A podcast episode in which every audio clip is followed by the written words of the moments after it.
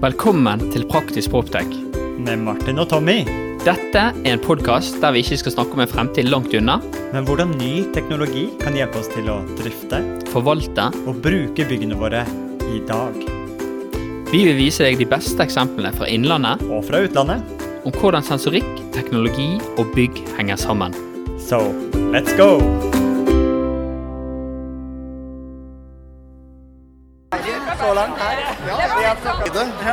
Men Robert, jeg tror vi tar en tur utenfor, og så må vi dra med oss Tommy, som har kommet i en ny samtale.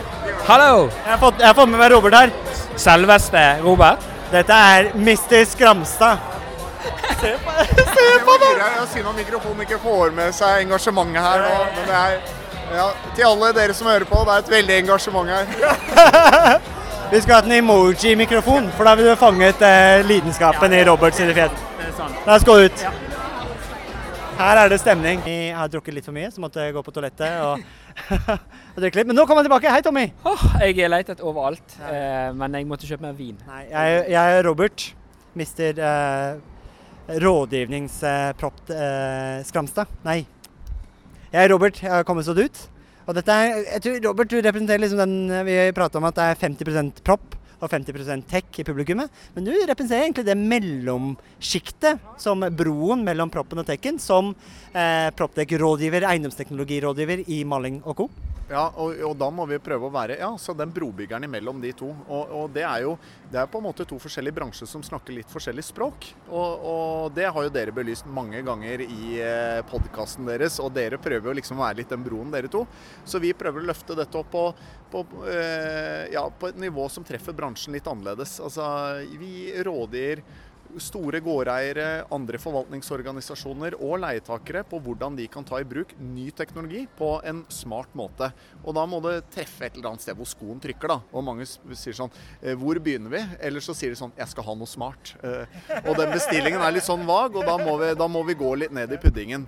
Og gjennom at vi har forvaltet eiendom og jobbet med rådgivning innen alle på en måte, aspektene innen næringseiendom, så mener jeg at vi har gode forutsetninger for å gi gode råd. Og ikke minst har vi testet ut, akkurat sånn som eh, Tommy gjør i Proptech Bergen, og teste ut ny teknologi. Så har vi vært så heldige å testet ut masse teknologi hos eh, de eiendommene vi forvalter.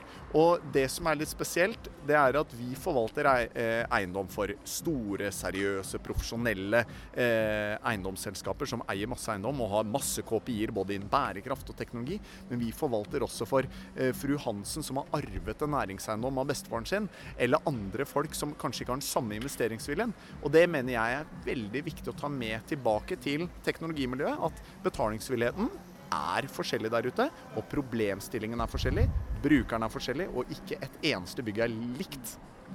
Det er jo det som jeg syns er så kult òg, det er jo det at denne satsingen er jo er jo en skikkelig bra satsing der det er et eget selskap i malingssystemet, Maling og Co Technology. Eh, men, og jeg, jeg ser jo deg overalt i tech-miljøene, i startup-miljøene. Eh, jeg mener òg du er en, en eh, sånn som hjelper Robert? og, og hjelper og hjelper disse startup-selskapene. Gi de gode råd, sånn som du er inne på. Hvordan er hverdagen din egentlig? Eh, hverdag, det var noen som spurte meg i stad Robert, hvordan er hverdagen din? Og da svarer jeg hverdagen min er veldig hektisk. Men det er veldig givende, og det er ulempen med å jobbe med noe som engasjerer deg. eh, Ikke sant? Eh, eh, Men det med å ta erfaring fra forvaltning, eh, liksom pain points fra eh, gårdeiere, store som små, og ta det med til eh, type startup-selskapene og si dette her er utfordringen vi jobber med, hvordan kan dere hjelpe oss? Det er veldig viktig. Men, men hverdagen da, Tommy, den er variert. Det er, vel, det, er vel det eneste man kan si. Den er veldig variert og veldig, veldig spennende. Og så er det og så spør mange hvorfor bruker dere så mye tid på å hjelpe startup-selskaper? Eh, Altså sånn, eh, for det vi gjør er jo da være dette limet mellom eh, en eiendomseier, en, en gårdeier, en eiendomsbesitter, med et startup-selskap som prøver å selge et produkt. Hvorfor gidder dere da i Malling å på en måte være den brobyggeren? Og det sier da er sånn, og det sier jeg internt òg, for jeg må jo beskytte det like mye internt. Noen må ta den posisjonen. Noen må gjøre det. For hvis ikke vi gjør det, så får ikke For det første får vi ingen nye eh, smarte verktøy å, bruke. Verktøykassa vår vil være den samme, og den vil være utdatert. Eh, Det er den ene tingen. Og det andre er at eh, hvis vi skal være en god rådgiver og like aktuell de neste 58 årene med rådgivning som vi har drevet med 58 år til nå, så må vi ta i bruk og ta en posisjon innen eiendomsteknologi. Enkelt og greit. Hva tenker du om det Henrik og Anders og Daniel og Proptech Norway har fått til her, og de sammenligningene vi har nå på Mesh i Oslo? Nei, altså jeg syns det er veldig fint. og I hovedsak her så samler de gårdeiere og tekstselskaper. Malling er den eneste rådgiveren som er, eh, er til stede her. Og, og, de er ganske strenge på hva slags folk de slipper inn her. og Det er jo fordi du må, du må jobbe aktivt med teknologi og prøve å gjøre noe med det. og Vi syns det var veldig hyggelig å bli invitert inn her. Syns de gjør en uh, god jobb. Og, og Henrik er liksom sånn han er helt sånn super på absolutt alt. Og han er sånn eh, Han er Wikipedia innen Proptech. Så du kan liksom spørre han om absolutt alt, så kan han slenge fem selskapsnavn over bordet. Eh, han har selvfølgelig et helt annet perspektiv enn oss som kommer liksom fra teknisk drift, som Tommy og jeg har felles bakgrunn fra. Eh, han med sin juridiske bakgrunn. Fellesnevneren er vel at vi er, er alle optimister og, og, og ser fram, og ikke ser i speilet og ser bakover. Eh, sånn Avslutningsvis Robert, så har jeg et spørsmål som jeg sitter og tenker mye på. og Det er jo rett og slett disse, disse tradisjonelle måtene som vi alltid har gjort på, sant? med ventilasjonsanlegg og Modbus og Bakknett og SD-anlegg og en PC nede i kjelleren. Kommer dette til å bli disrupted fremover? Og helt åpenbart. Helt åpenbart. Altså eh, og, og, Grunnen til at det kanskje har tatt litt lang tid, det er jo fordi man har for mye å gjøre. Det er jo en kjensgjerning. Altså, vi har for mye å gjøre. Vi, vi, vi, rekker ikke å løfte blikket. Og eh, som jeg sa til Martin i stad, med rådgivermiljøene som ikke har hørt om software as a service engang, så er det klart det at hvis hvert eneste nybygg og hvert, hver eneste rehab eh, beskriver gammeldags teknologi, så tar dette tid.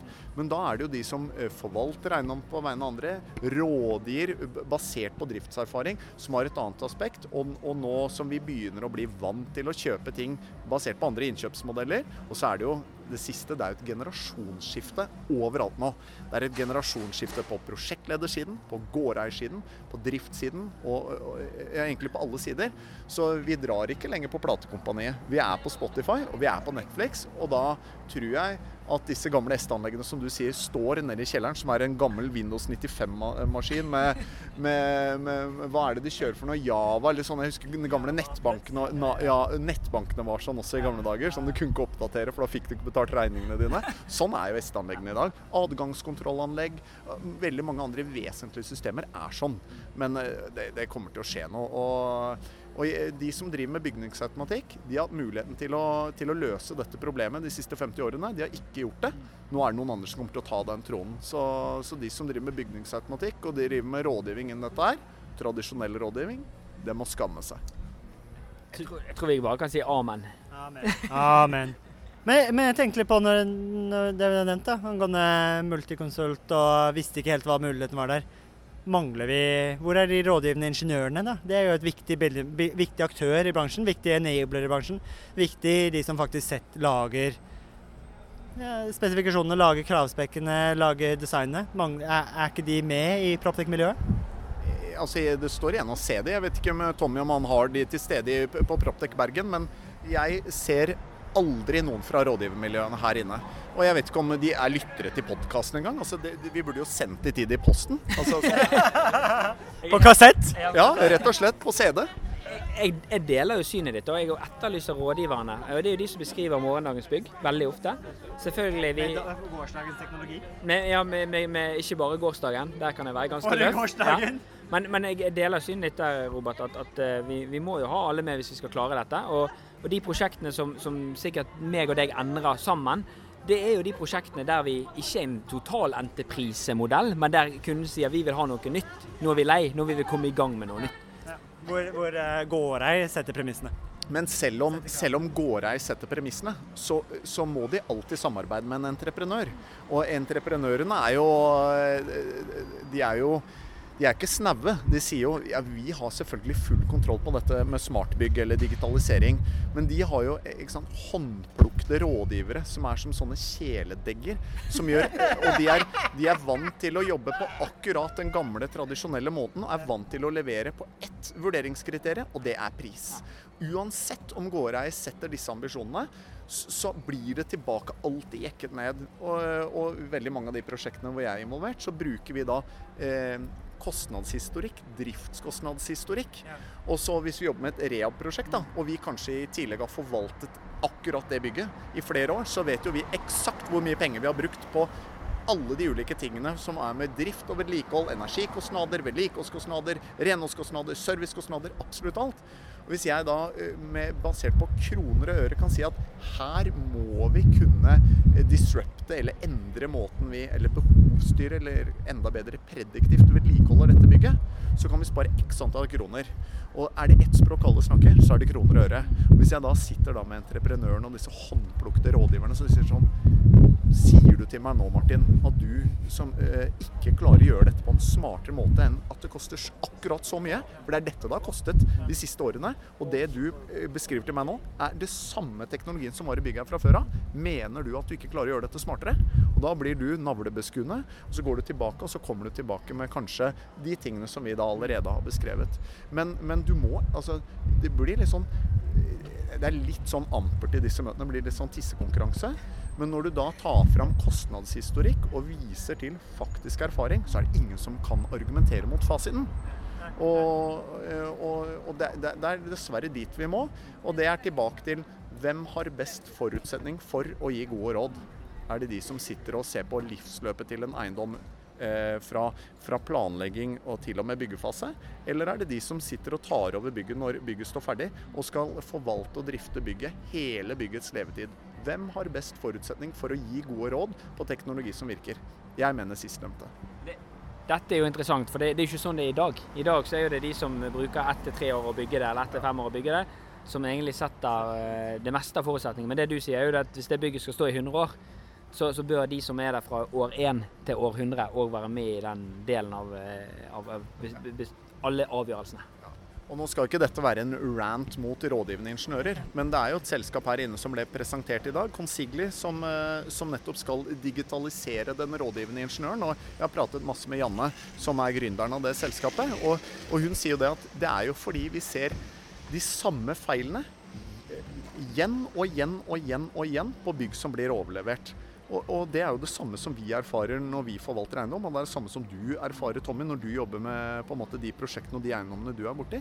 Og hvorfor klarer de nå å gründe et selskap, og dem har over 20 eh, altså dataingeniører som sitter og jobber kun med å optimalisere måten man prosjekterer bygg på.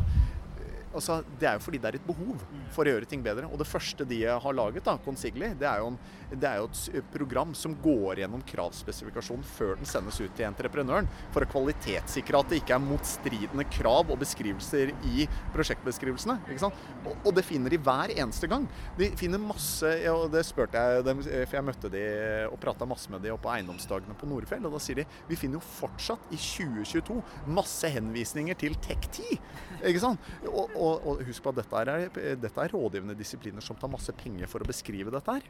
Og da kan du lure på hva er kvalitetskontrollen på dette her? Hva er feilkildene? Så de lager altså Første løsningen deres er kvalitetskontroll på en, på en prosjektbeskrivelse. Og det, det burde vi seriøst forventet av eh, de disiplinene vi bestiller dette av i First Place. Men de har også en, en løsning på det. Det er liksom steg én i deres løsning. Så, så det er ganske interessant.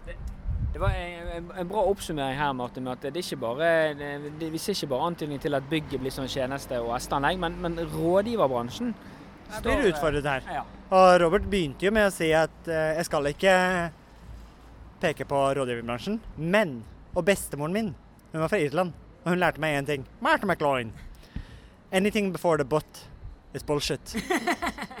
Så var det menn der, og så gikk det på en lang rant om rådgivningsbransjen. Jeg tenker Med det, Robert, da har vi uh, fått et godt perspektiv på hvor uh, neste fokus bør være. Vi må få Consiglio og Janne inn i Praktisk Proptek Studio. Og så tror jeg vi må utfordre rådgivningsbransjen litt mer direkte. Kan du hooke oss opp med et uh, podkastmøte med Janne? Er hun her inne? Janne er her inne. Ja, det Vi går inn og snakker med henne nå. Ja. Vi går inn. Vi går inn. Fantastisk. Du er rå, da.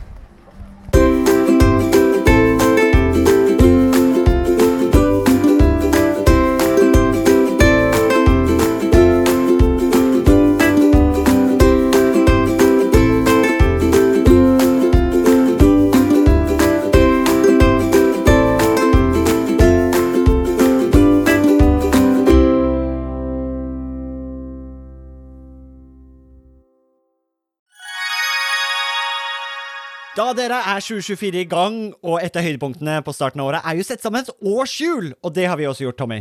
Ja, Akkurat nå sitter jeg og ringer rundt 25. og 26. april, for da skal vi på FTV-kongressen. Og det blir litt ekstra spesielt i år, Martin.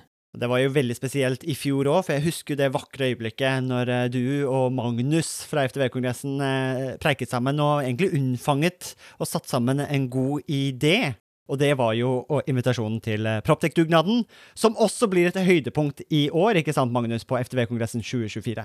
Jo, det stemmer det. Vi setter godt med plass i år til, til dugnaden en eh, god og sprø idé for å sette praktisk proptech ut faktisk i livet og eh, vise hva vi får til, ikke bare fortelle. Det var, jo, det var jo veldig gøy, for jeg husker da jeg skulle pitche dette til deg, så tror jeg du avbrøt meg og bare sa 'vi er med'. Og når vi var på dugnaden, så sa du òg at Tommy, dette her må vi ta med oss tilbake på FTV-kongressen. Vi må jo praktisk få dette vekk fra Powerpoint og vise praktisk hvordan vi har gjort det. Og det syns jeg blir litt spesielt i år, at det blir jo for meg en liten reunion av det som skjedde der ute. Men, men eh, FTV-kongressen er vel mye mer enn en, bare en reunion òg? Jo da, det er en møteplass for eh, FTV Norge, og vi ønsker å skape det til en, en god møteplass for FTV Norge, som, som, tross alt tar vare på Norges største fastlandsnæring. Og da skal, vi, da skal vi ha en god arena å møtes for å se på felles uh, utfordringer og problemer, men ikke minst hvordan vi kan løse ting fremover. Og så blir uh, dugnaden en sånn uh, bekreftelse på hvordan vi faktisk eh, kan gjøre det, istedenfor å stå og bare høre om hvordan vi kunne ha gjort det. Det er veldig kult. Og januar er jo en gavemild måned, så hvis du brenner for bedre drifting av bygg, så kan du få med en liten eh, rabattkode her også, så møtes vi kanskje 25.-26. april på Tung kongress Gardermoen. Og den rabattkoden er ikke vanskeligere enn Praktisk Proptech med små bokstaver og uten mellomrom. Praktisk Proptech. Praktisk Proptech, små bokstaver, ringer mellom ett ord. ftvkongressen.no, der ser du programmet. Det blir oppdatert i disse dagene, og så møtes vi i april. Vi ses! Vi ses!